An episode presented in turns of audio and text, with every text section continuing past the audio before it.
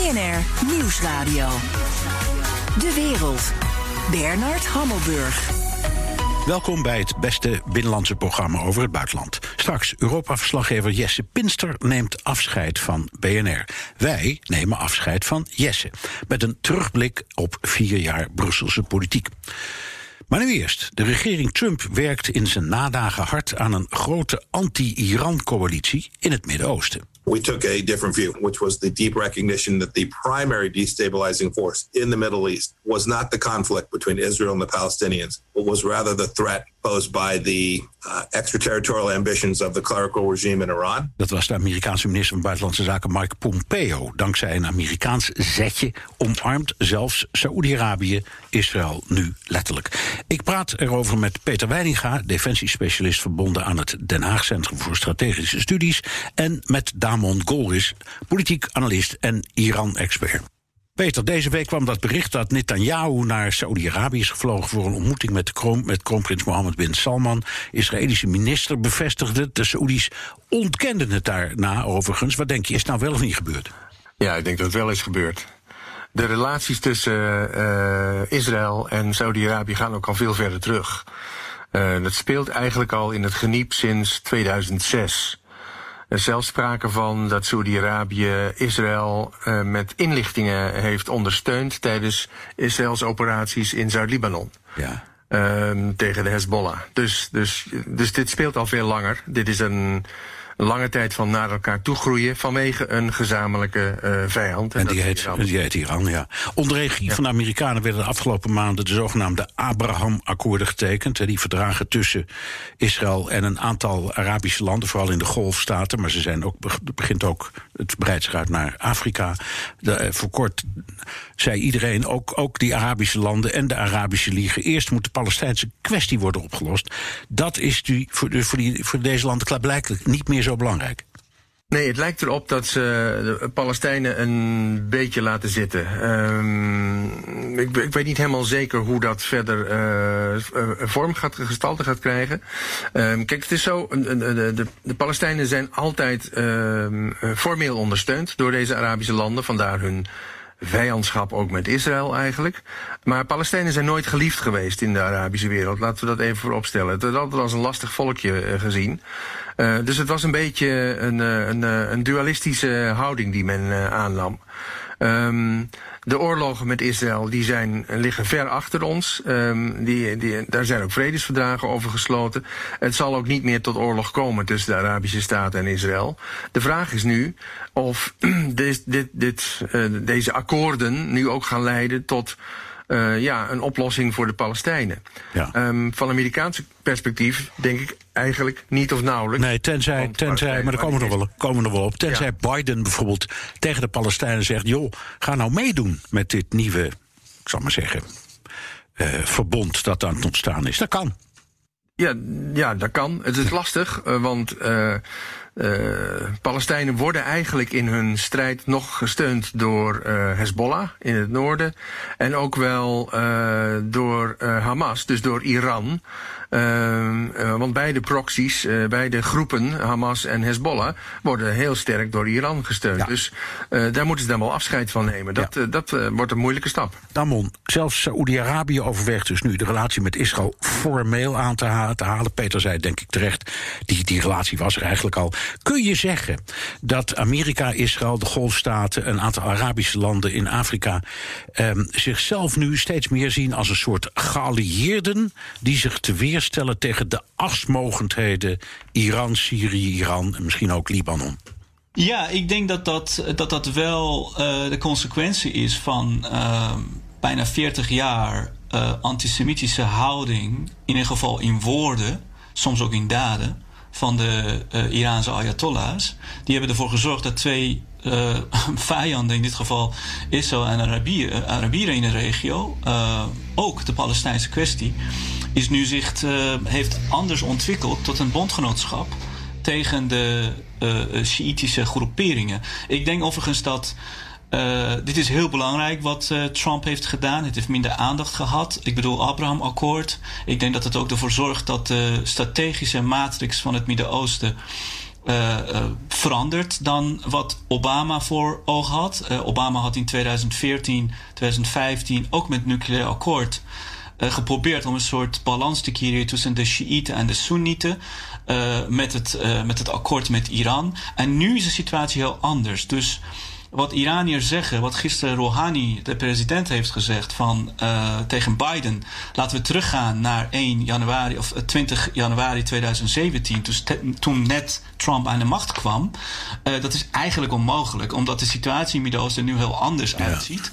Um, wegens het Abraham-akkoord, maar ook omdat de aandacht van het Westen, en dan heb ik het over Amerika en Europa, inmiddels niet alleen maar zich richt op het nucleaire programma, maar op iets heel anders. En dat is dus die Sjiitische groeperingen. Dat is de grootste dreiging. Ja, ik begrijp. Uh, Peter, jij volgt politiek in Saoedi-Arabië, precies trouwens, dan ook hoor. Maar goed, ik stel de vraag aan jou. Hoe, hoe, hoe ligt die toenadering tot Israël in Saoedi-Arabië? Uh, dan moet je twee uh, groepen zien eigenlijk. Het volk en het regime. Het regime is uh, behoorlijk westers georiënteerd. Dat wil zeggen, in hun strategische relaties kiezen ze altijd voor het Westen. Uh, maar de bevolking eigenlijk helemaal niet zo. Uh, de bevolking is eigenlijk anti-westers. behalve een, een toplaag die bulkt van het geld, zeg maar. maar, um, dus dat ligt daar heel moeilijk. dat komt ook omdat het land op een ja, toch wel uh, precaire uh, balans eigenlijk is opgebouwd. Tussen aan de ene kant hè, uh, religieuze machthebbers, aan de andere kant de wereldse machthebbers. met name het huis van Al Saud. En um, ja, er bestaat al een, een 350 jaar een, een, relatie tussen die twee. Um, en een verdeling ook van de taken binnen het koninkrijk. Maar dat geeft ook meteen aan, uh, zeg maar, die, die tweedeling in, die in Saudi-Arabië bestaat. Dat regime wat heel erg uh, om strategische redenen kiest voor, voor toenadering tot het Westen. En de bevolking die daar eigenlijk niet meteen op zit te wachten. Ja. Damon, ehm, Iran kijkt naar de nadagen van Trump. Uh, dat is nou een leemduk, zoals dat daar wordt genoemd. Wij zouden misschien zeggen demissionair. Hoe kijken ze daarnaar in Iran? Uh, naar, uh, ze hopen natuurlijk dat uh, de nieuwe president Biden vanaf 20 januari ehm, een toenadering zou zoeken door vooral enigszins adempauze te geven aan Iraniërs door enige uh, uh, ja, een paar miljarden aan Iran te geven, zoals Obama toen de tijd deed voor uh, nucleaire over. Oké, maar nu is Trump er nog. En Iran heeft. Ja. Ja, uh, ze wachten eigenlijk Trump um, vertrek af. En uh, Trump legt ook ontzettend veel nog steeds uh, iedere week nieuwe sancties op, die niet alleen maar nucleair zijn, die het ook moeilijk is dat uh, Biden dat zal opheffen. Um, dus ze wachten het af en tegelijkertijd zie je dat er ook, uh, ik denk dat in de periode van 14 december tot 20 januari, waar intussen zit de herdenking van de dood van Qasem Soleimani, die vorig jaar werd omgelegd door Amerika in Irak. daartussenin is het meest cruciale moment en meest gevoelige moment ook, dat misschien kan leiden leiden tot enigszins een kinetische oorlog als Iran uh, uh, Amerika zou provoceren, als Iran ervoor zorgt dat uh, Amerikaanse soldaten of diplomaten worden bedreigd of zelfs gedood. En, en is dat dan is dat, is dat al de aanval waar Trump al met zijn adviseurs over heeft gepraat? Dat verhaal dat een paar weken geleden is uitgelekt, dat hij op het punt ja. stond om zo'n aanval uitvoeren? Ja, en er zijn ook nog andere. Uh, dat is natuurlijk een bericht vanuit New York Times, die niet ontkend is. Maar ook uh, de uh, strategische vliegtuigen, de bombers B-52, die werden gebruikt altijd bij oorlogen zoals in Irak of in Afghanistan en Libië zelfs. die zijn gestuurd naar het Midden-Oosten, naar de Perzische Golf. maar ik denk dat dit allemaal ook een onderdeel is van afschrikking. Hè? Dat, dat, dat deterrence, zoals dat in de tijden van de Koude ja, Oorlog werd gebruikt. Okay, om, ja. om Iran dan een beetje ja, maar even, even, te houden totdat... De... Ik, ik stel de vraag heel kort aan jou en dan aan Peter. Denk jij dat de kans ja. op zo'n aanval er echt is, uh, Damon? Ik denk dat die kans wel aanwezig is ja. als Iran uh, Amerika zou provoceren. En, en jij, Peter, denk je dat zo'n kans op een aanval is?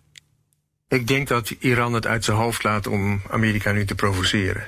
Uh, zij gaan ervan uit, hè, ook al zijn ze daar misschien iets te optimistisch over, zoals Damon net al terecht zegt, uh, dat er betere tijden aanbreken.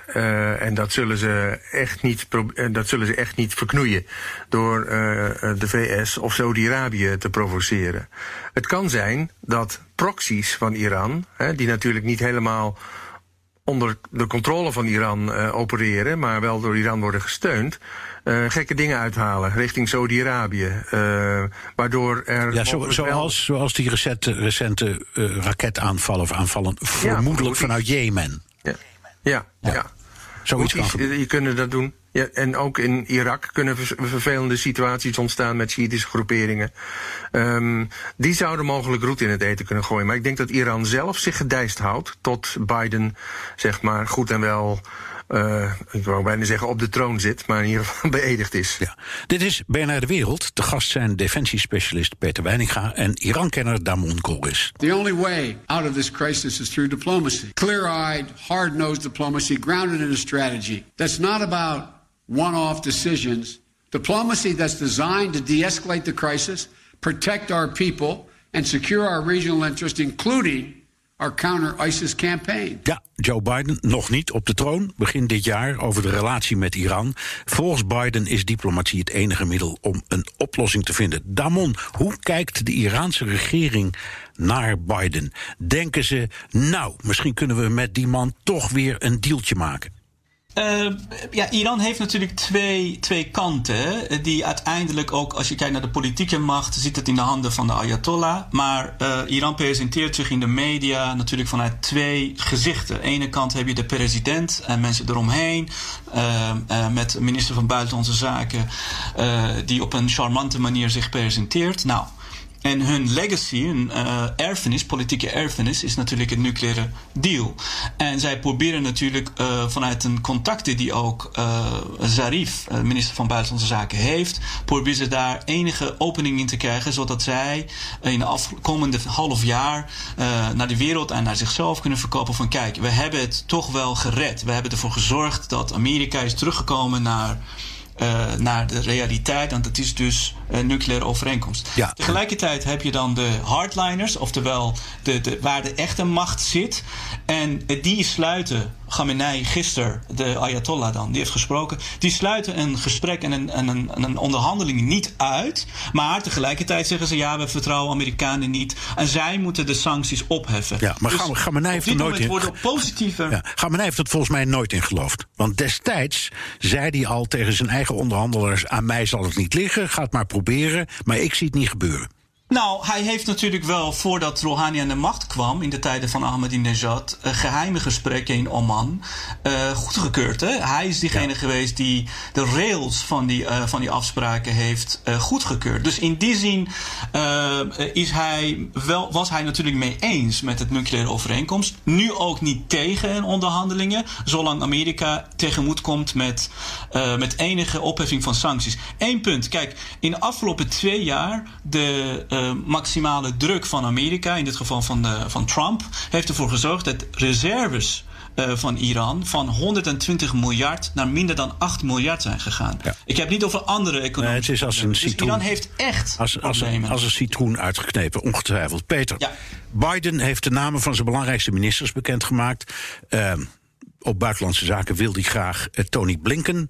Dat is een oude rot in het vak, werkte ook onder Obama. Wat voor signaal lees jij hierin als we praten over Iran? Nou, in het algemeen kun je zeggen dat, um, hij heeft het zelf ook al gezegd, letterlijk, dat hij de Amerikaanse diplomatie wil herstellen. Die is, die is zwaar beschadigd geraakt onder Trump. Uh, uh, een heleboel diplomaten zijn gefrustreerd vertrokken.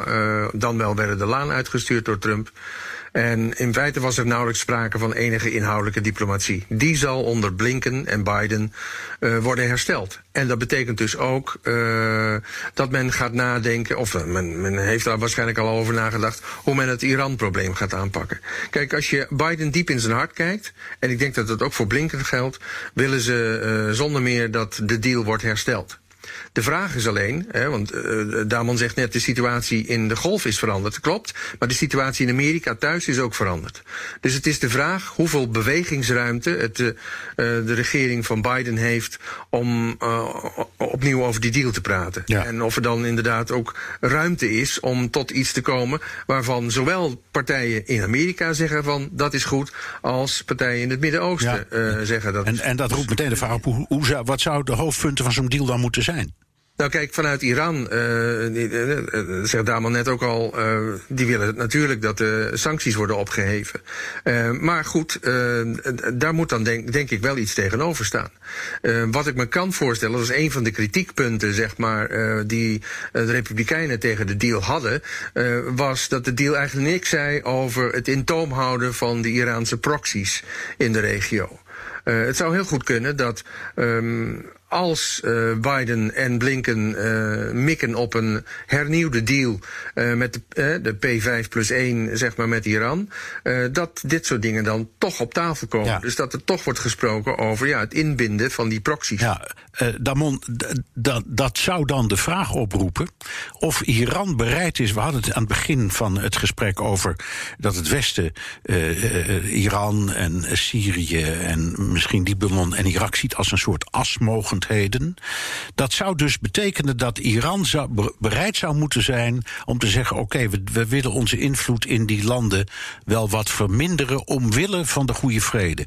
Is dat denkbaar of is dat een naïef sprookje? Uh, ik, ben het, ik ben het met Peter eens. En antwoord op jouw vraag. Uh, kijk, voor de Ayatollahs in Iran alles is onderhevig aan of het bestaan van het regime in gevaar komt of niet. En dan zullen ze zelfs uh, het gebed en uh, Ramadan afschaffen als het nodig is. Dat is een heel bekend uh, verhaal. okay, dus ja. afhankelijk van. Hun grootmoeder verkopen. Ja. Ja, ja, ja, alles. Ik bedoel. Dat hebben ze al gedaan. als, als het ja, ja, ook, precies. Kijk, want tien jaar, dertien jaar lang hadden ze gezegd dat we nooit met de Amerikanen zullen om tafel gaan zitten. En een deal met Satan kun je niet sluiten enzovoort. En toen heeft Khamenei uit de, uit de geschiedenis van de eerste imam uh, van, of de tweede imam van de Shiiten, imam Hassan, heeft dus uh, gezegd: ja, kijk, Hassan heeft met zijn vijanden een deal gesloten en uh, flexibel zich opgesteld. Dus dat kunnen wij ook. Uh, Khomeini heeft dat ook gedaan, hè? Met, met bekende uh, oorlog tussen Iran en Irak. Laten we vrede sluiten. Ik wil dat niet, maar ik neem uh, een beker vol met gif. Hè? richting wat er dus in de tijd van, volgens mij Plato was dat, als ik me niet vergis.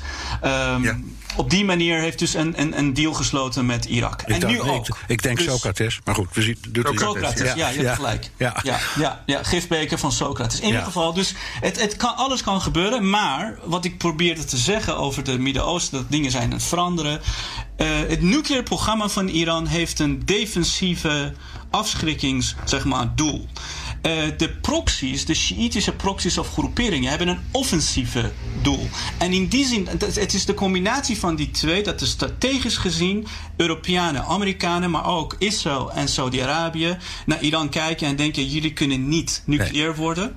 En het is heel anders dan bijvoorbeeld uh, Pakistan of India of, of andere landen, die dus niet een offensief deel hebben. Nee. En dat is dus het probleem. En ik denk dat Biden waarschijnlijk uh, de druk blijft volhouden. Het schijnt gisteren de Europeanen hebben gezegd we wachten even af. We, uh, we, vragen niet aan Europeanen om gelijk al terug te komen naar de deal. Uh, maar wacht maar even tot de verkiezingen in Iran in juni 2021. Dus tot die tijd zal waarschijnlijk de druk juist toenemen in plaats van af. Ik heb nog één vraag aan jullie allebei, heel kort, maar het niet onbelangrijk. Wij doen nu steeds, wij praten een beetje mee met dat Amerikaanse of Soenitische frame dat Iran alleen maar het kwaad vertegenwoordigt. Kun je het ook ook niet omdraaien en zeggen dat de Iraniërs met hun proxies ook wel heel veel verkeerde invloed van Saudi-Arabië hebben tegengehouden. Want de meeste terreur bijvoorbeeld die wij in het Westen meemaken, die is ontstaan niet in Iran, maar in Saudi-Arabië. Dus zit er ook niet iets, ja, iets positiefs in die rol van Iran, Peter? Ja, kijk, het is in het verleden al een koude oorlog genoemd. Een koude oorlog tussen twee landen, waar op de achtergrond ook uh, aan de ene kant Amerika, aan de andere kant China en Rusland bij betrokken zijn. En die wordt gevoerd via proxies inderdaad. En um, het gaat inderdaad om invloed in de regio.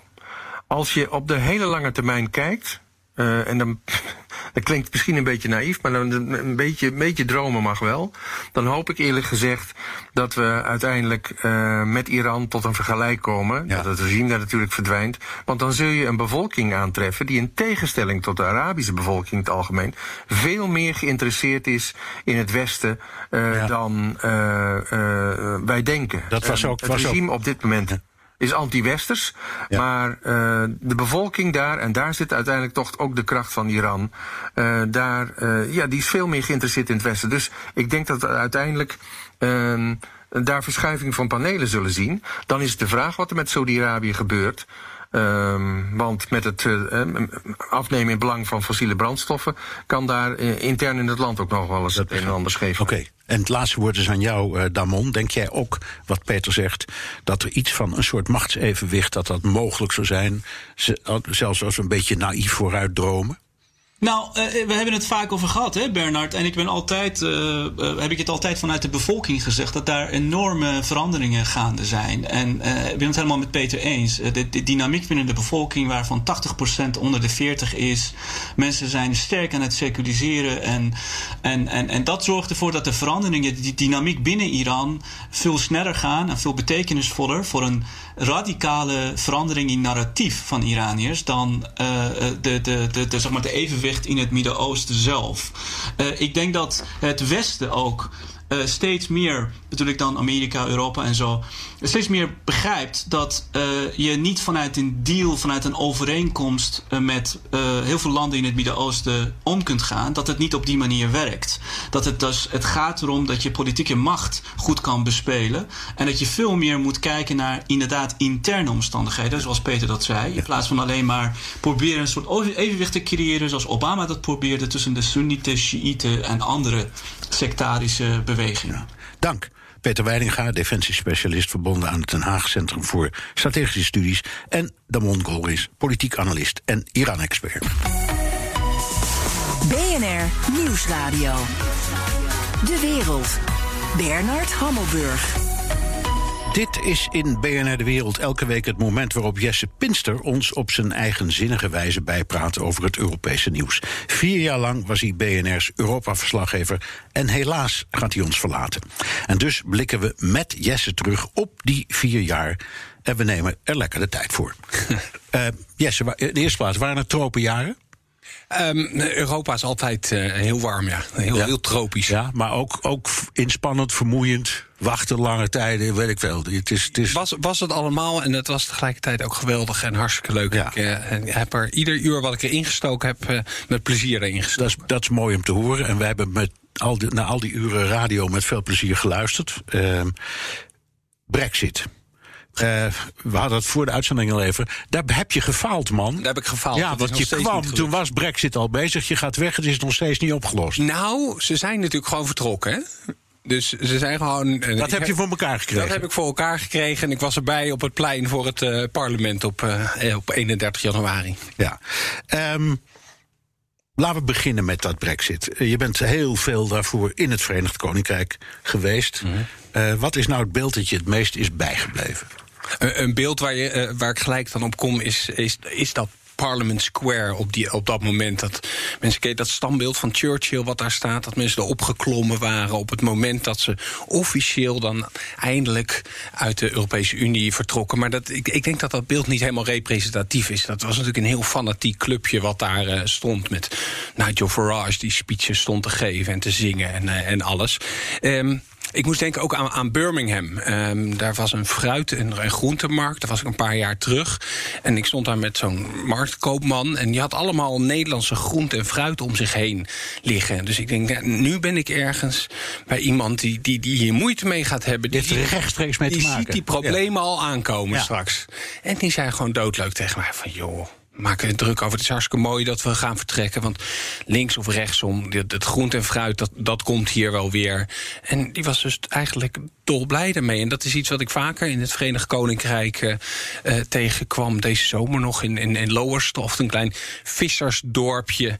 En ja, eigenlijk gewoon ongeveer, als je bij IJmuiden oversteekt, dan kom je er ongeveer eh, uit. Volgens mij hebben we er een klein fragmentje zelfs eh, van klaarstaan. I'm not prepared to go to my grave knowing that Europe beat us. We're a strong nation. We're a nation of hard people.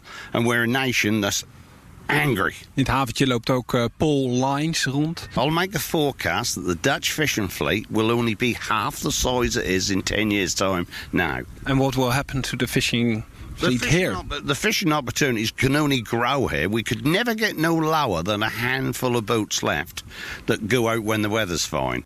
Ja, het kon alleen maar beter worden. En dan had hij wel een punt in. Dit is iemand die ook wel fanatiek voor die Brexit heeft gevochten. En, en tegen de, de, eh, de, de Nederlandse vissers. Ze was ook heel erg tegen het pulsvissen en zo.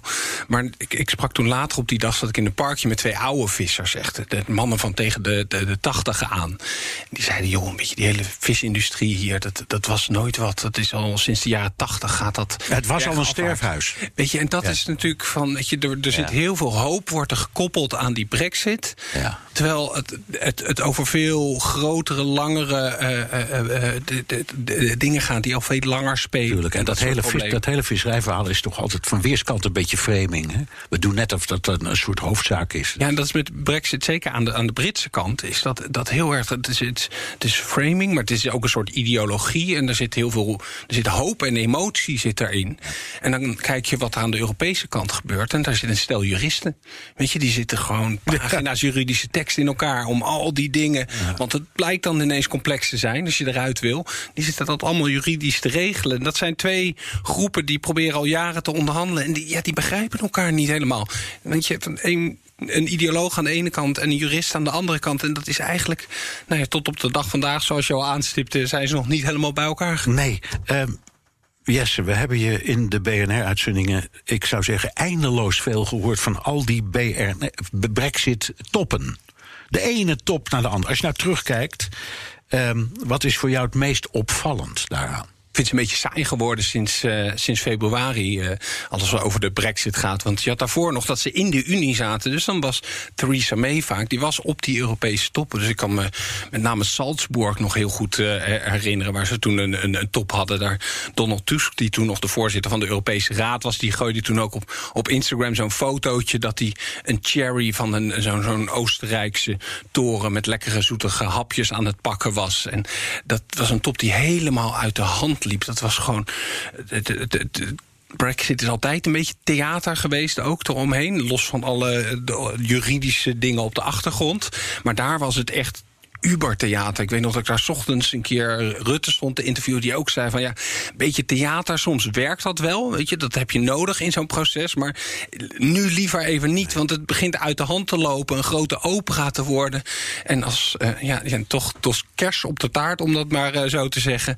Hadden ze een bijeenkomst op het toneel van een, een, een, een theater daar. En dat is het theater waar de Sound of Music was opgenomen. Ja. Dus het was letterlijk het podium waar ze destijds dus de hele familie van Trap stond te zingen van goodbye, farewell, auf Wiedersehen, adieu. En daar was die Europese top. Die familie von Trapp was een verzetsfamilie Ja. in het verhaal. Hè? Ja. En je zou kunnen zeggen, Brexit is een, is een vorm van verzet van burgers tegen de overheid. En dat verzet vind je niet alleen in het Verenigd Koninkrijk, dat vind je ook in, eh, eh, in Europa, het vasteland. Eh, de Franse presidentsverkiezingen van 2017, dus Macron en Le Pen. Ehm, waar kwam die ontevredenheid vandaan? ouf. Dat is, dat is geen makkelijke vraag. Ja, 2017, dat, was inderdaad, dat waren ook de verk- verkiezingen in Duitsland dat jaar, in Frankrijk. Toen had je heel erg inderdaad die, die, die, die angst van alternatief voor Duitsland gaat misschien wel de grootste worden. Marine Le Pen wordt misschien wel de nieuwe president van Frankrijk. En dat liep toen allemaal in de ogen van veel Europa-watchers goed af. Ja. En toen was het ook een beetje een soort van, nou, we kunnen ons Ja, maar het was toen ook een beetje, hè, als het in Amerika kan, dan kan het in Frankrijk ook. Ja, en je had natuurlijk de Brexit gehad dat jaar daarvoor. Trump was uh, net gekozen. Dus er zat heel veel angst in. En het was een soort opluchting aan het eind van het jaar. Want het is allemaal niet gebeurd. Ik, ik weet niet of dat allemaal zo weggegaan is. Ze hebben, de verkiezingen niet gewonnen. Waar komt dat vandaan? Is een, een, een, een vraag die je misschien nog beter aan een socioloog kan, kan stellen. Ik denk dat het een soort, soort ja, giftige cocktail soms is van. Uh, een, een, verlies aan zekerheid, een gevoel van een verlies aan zekerheid. En, en, er zit ook een element in van doorgeslagen individualisme. Want iedereen heeft zijn, zijn eigen mening en die is net zo belangrijk als die van ja. wie dan ook. Nou ja, en anti-globalisme, ook angst voor dat hele grote Europa. Ja, ja, dat, ja. dat wat een beetje in die. die ja het, het ongrijpbare wordt. Weet je, van de, dus een wereld om je heen, die zie je veranderen, maar je hebt er niet echt nee. grip meer op. Ik denk dat dat een soort emotioneel onder is. Brexit is natuurlijk een beetje nog dat valt daar ook binnen. Maar Brexit is ook een beetje een raar ding. Want die, die Britten hebben altijd een moeizame relatie gehad met de Europeanen. Mathieu Segers, als ik heel kort, die, die ja. de, de, Universiteit van Maastricht uh, lesgeeft. Die, die zei daar ook een keer over. Van, Brexit is eigenlijk, dat is de constante. Want hoe, hoe lang hebben die Britten nou eigenlijk echt voor de volle 100% in de Europese Unie gezeten. Hè? Paar, Helemaal nooit. Een paar decennia misschien. Ja, nee. En zelfs toen lagen ze de hele tijd dwars. Ja. Dus weet je, je moet Brexit ook weer niet te uniek maken. Het is een, een proces wat ook, ook na 1 januari, dan is er misschien weer iets geregeld. Het zal ook nog steeds door blijven. Oké, okay, de EU en Brexit. Uh, de EU, sorry, de EU en corona. Hmm. In hoeverre zijn al die gevoelens van onlust en onrust vergroot door uh, corona? Je ziet ze wel weer echt, echt opkomen. Ik, ik was in augustus in Berlijn. Toen was daar die grote demonstratie eind augustus. Ik was daar eigenlijk voor iets heel anders, maar ik was onderweg naar het treinstation, de trein terug. En ik heb toen een rondje door die demonstratie gelopen. En ik zag heel veel terug van wat ik jaren daarvoor in, in, in Turingen, in Dresden gezien heb, 2015. Dat was toen Pegida. In, in Turingen heette dat dan Tugida. En dezelfde de symbolen, een beetje dezelfde mensen met eh, behoorlijk rechtse ideeën die liepen daar ook weer rond. Ook, ook rare groepen die, die het idee hebben dat Duitsland nog steeds bezet wordt door de Russen en de Amerikanen. Dus die lopen letterlijk met Russische en Amerikaanse vlaggen rond en maken een eind aan de bezetting. Maar je hebt er nu ook een nieuwe groep bij gekregen. Ook een, een, een soort, nou laten we ze hippies noemen. Dus oudere hippies die daar in, in jurken een beetje kumbaya stonden te zingen. En die hebben ja. dus blijkbaar diezelfde gevoelens van onvrede. En dat zie je ook in Nederland af en toe terug. Dus weet je, die, die opluchting die daar aan eind 2017 was... van we gaan toch niet als de hele EU dezelfde kant op... als de Amerikanen en de brexit. Ik denk dat, dat misschien nog wel eens onderschat wordt. Ja, even alternatieven voor Duitsland. Want dat is natuurlijk een metafoor voor wat zich daar afspeelde, kun je zeggen. Ja. Um, en, en dan hebben we de, de, de, de, idiote situatie in 2017. Zat je op een bootje in de Bodensee met een aantal partijleiders. Dat moet je nog even vertellen, wat daar toen is gebeurd. Ik, ik maakte toen een reis door, door Duitsland in, uh, in de aanloop naar die verkiezingen. En uh, toen belandde ik inderdaad aan de, aan de Bodensee. En daar had uh, Alice Weidel, een, nog steeds een van de de, de, grote mensen binnen het AFD, die had daar een bijeenkomst met partijgenoten en sympathisanten. Die gingen dus inderdaad op zo'n rondvaartboot de Bodensee. Hapjes en bier mee. Stapte volgens mij om tien uur s ochtends op die boot. En uh, er was een cameraploeg van de ZDF. Die wilde ook graag mee aan boord. Maar die werden daar echt letterlijk weer vanaf geduwd. En ik stond daar met mijn BNR-microfoontje. Geen, geen bedreigende camera's, dat scheelt altijd als radiomaker. En, en ze dacht, die jongen die helemaal uit Nederland is gekomen... nou ja, weet je wat, we nemen die wel gewoon mee. Dus toen heb ik twee, drie uur lang op die boot gezeten en, en met die mensen kunnen praten. En het, daar zit heel veel diversiteit ook in. Weet je, de, de oude AFD'ers, dus dat is waar die partij ontstond. Dus dat is het anti-euro-gevoel van die Grieken die gaan, gaan, gaan ons spaargeld allemaal opeten. Dus die zitten nog steeds, een ouder gepensioneerd stel.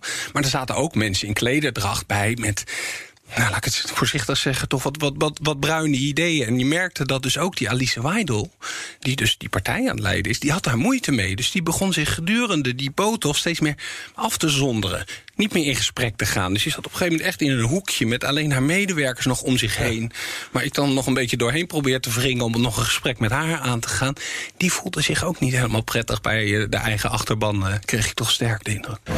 werde Ihnen gelegentlich etwas über den Seehund, der Orte, die wir passieren, erklären und wünsche Ihnen eine angenehme Fahrt. Im Moment habe nicht nur ich den Eindruck, dass wir von den äh, bisherigen Politikvertretern und auch von dem überwiegenden Teil der Medien äh, nicht nur manipuliert werden, sondern tatsächlich auch belogen und äh, zum, in Teilen auch aufgehetzt werden.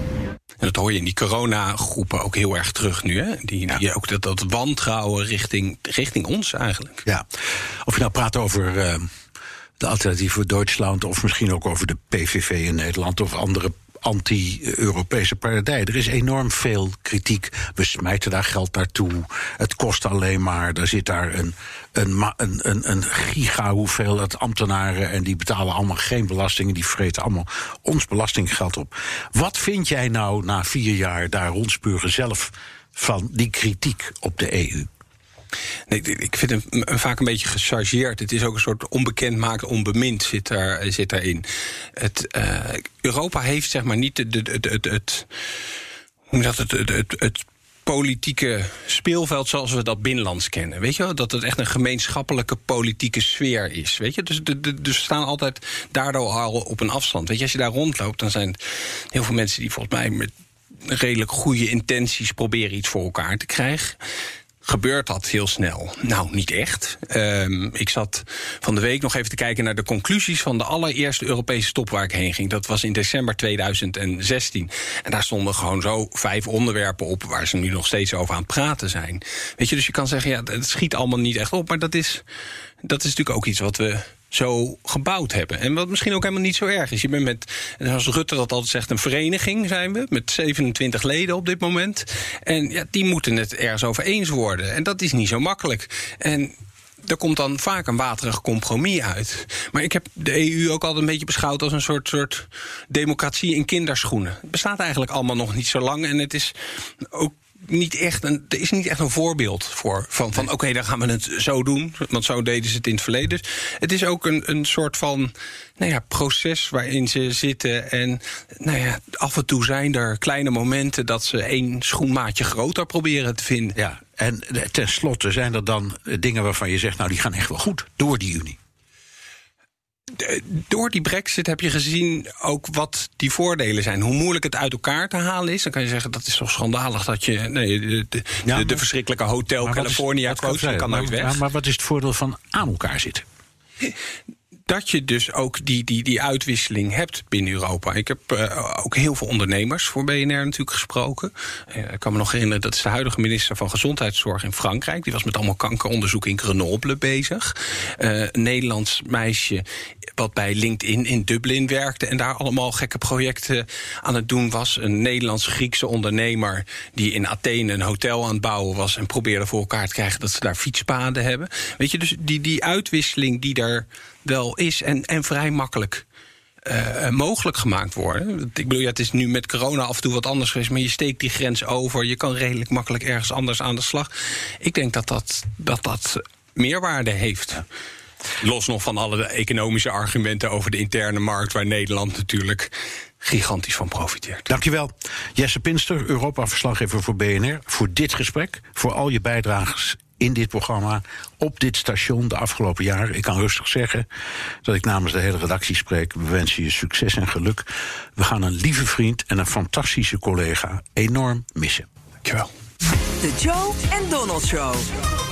Tijd voor een update over de nasleep van de Amerikaanse verkiezingen met onze correspondent in Washington, Jan Postma. Jan, Trump heeft gratie verleend aan Michael Flynn. Hoe valt dat in Washington? Nou, je kan het al een beetje raden, Bernard. De verontwaardiging bij de Democraten natuurlijk. Eh, die zeggen, ja, die Flynn heeft gelogen tegen de FBI. Hè, over zijn communicatie met de Russen ging dat. Hij heeft twee keer gezegd, eh, heeft hij toegegeven dat hij schuldig was. Dit slaat echt nergens op. Die, die gratie neemt de waarheid ook niet weg. Maar als je dan een beetje kijkt naar uh, de meer Trump-gerichte media... de MAGA-media, zeg ik maar even... en Trumps bondgenoten, daar was natuurlijk gejuich. Het einde van de vervolging van een onschuldige man, zo zien zij dat. En er zijn mensen die zeggen, dit mag helemaal niet, want Trump is zelf betrokken bij deze zaak. Uh, dit is belemmering van de rechtsgang. Nou ja, we zullen het zien. Het, het kan voorlopig weer op die hoge stapel uh, met dingen die eigenlijk mogelijk niet mogen, maar uh, die Trump toch gewoon doet. Ja, hij gaat ongetwijfeld meer mensen gratie verlenen. Dat doet elke president aan het eind van een termijn of als hij afscheid neemt. wie staan er op het lijstje? Ja, dat, dat lijstje is uh, best behoorlijk. Uh, er wordt ook verwacht dat, dat dat een grote lijst gaat zijn. Want Trump die heeft de, die hervormingen van het gevangenisstelsel heeft hij doorgevoerd. Hè? en, en de verwachting is dus dat hij heel wat mensen die, die zwaar gestraft zijn voor dingen die, die nu een mindere grote straf op zouden leveren, dat hij die vrij wil laten. maar het heeft er ook mee te maken dat, dat als hij veel mensen gratie verleent, dat het dan ook wat minder opvalt dat het ook wat mensen uit zijn eigen omgeving zijn. En dan noem ik even een paar namen. Rick Gates, George Papadopoulos. Uh, nou ja, Michael Cohen wordt dan genoemd. Maar ik denk niet dat die ertussen zal zitten. Want daar is toch wel enige ruzie. Maar ook Paul Manafort en Roger Stone bijvoorbeeld. Die worden allemaal genoemd. Dus daar wordt uh, nou ja, met spanning naar uitgekeken. En de verwachting is dan een beetje dat er de komende weken steeds wat namen gaan druppelen. Ja, even één vraagje. Staat op het lijstje van mensen die gratie krijgen van Donald J. Trump ook Donald J. Trump? ja, nou, uh, daar wordt ook heel veel over gespeculeerd. En de vraag is natuurlijk, kan hij dat? Mag hij dat? Dat zal in ieder geval heel veel uh, verontwaardiging dan uh, opleveren. En ik denk ook eigenlijk uiteindelijk dat het niet kan... want dan zou hij zichzelf boven de wet plaatsen. maar niemand heeft het ooit eerder geprobeerd. Hè? Dus de, daar mag het Hoge Rechtshof ja. dan denk ik wat over zeggen. Ja, ja dat wordt spannend. Trump vecht ondertussen nog steeds door... om de verkiezingsuitslag terug te draaien. Ja, en dat is wel uh, interessant. Hij, hij, nodigde bijvoorbeeld uh, gisteren nog politici uit Pennsylvania uit om in het Witte Huis te komen, zoals hij dat ook deed bij politici in Michigan. En Republikeinen organiseerden ook gisteren nog een hoorzitting in een hotel in Gettysburg, ook in Pennsylvania dus, bij dat slagveld. Hè. En dat, die bijeenkomst was letterlijk voor de bühne. Er, was publiek, er waren camera's, maar het was buiten de rechter om. En al die getuigen mochten daar nog een keer vertellen nou, wat er allemaal volgens hun mis was gegaan. En Trump die belde daar ook in liet even nog horen ook dat hij zeker niet opgeeft. We have to turn the election over. Because there's no doubt we have all the evidence, we have all the affidavits, we have everything. All we need is to have some judge listen to it properly without having a political opinion or having another kind of a problem because we have everything. And by the way, the evidence is pouring in now as we speak. Ja, ja dat, dat, vooral dat wat hij zei over rechters vond ik opvallend. Want uh, het is inderdaad zo. Het enige wat je nodig hebt is een rechter die je gelijk geeft. Maar die hebben ze op dit moment nog niet. Uh, ook de, dat bewijs dat hebben we allemaal nog niet gehoord. En er zit nog steeds een heel groot verschil tussen wat Team Trump buiten de rechtbank... dus zoals zo'n bijeenkomst gisteren zegt... en wat ze binnen die rechtbank zeggen. Ja, nou hield Biden uh, gisteravond ons tijd, aan Nederlands tijd... een toespraak, een, een, een Thanksgiving toespraak. En juist op dat moment kwam Trump met zijn uh, toespraakje. Ik neem aan dat dat geen toeval is. Nee, precies, precies. Ik denk dat Trump echt dacht... ik wil eventjes die aandacht wegtrekken bij uh, president-elect Biden. Uh, want die, die speech die werd bekend. En, en het kort daarna kwam ook inderdaad dat, dat inbelletje van Trump... wat een beetje geïmproviseerd was. en ja, Biden hield inderdaad een speech... En, en die was vooral gericht op corona. I know the country is growing weary of the fight. We need to remember we're at war with a virus, not with one another, not with each other. This is the moment where we need to steel our spines, redouble our efforts, and recommit ourselves to the fight.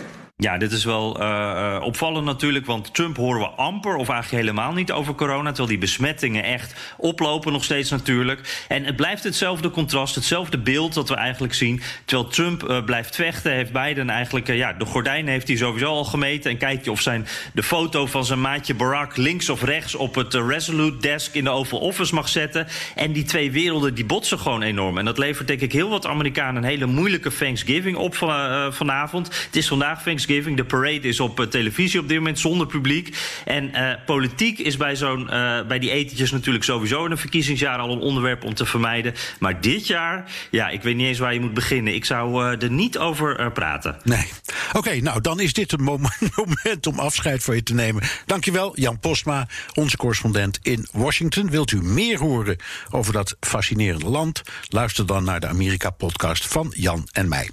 En tot zover BNR Wereld. Terugluisteren kan via de site, de app, Spotify of Apple Podcast. Reageren kan via een mailtje naar dewereld.bnr.nl. Tot volgende week.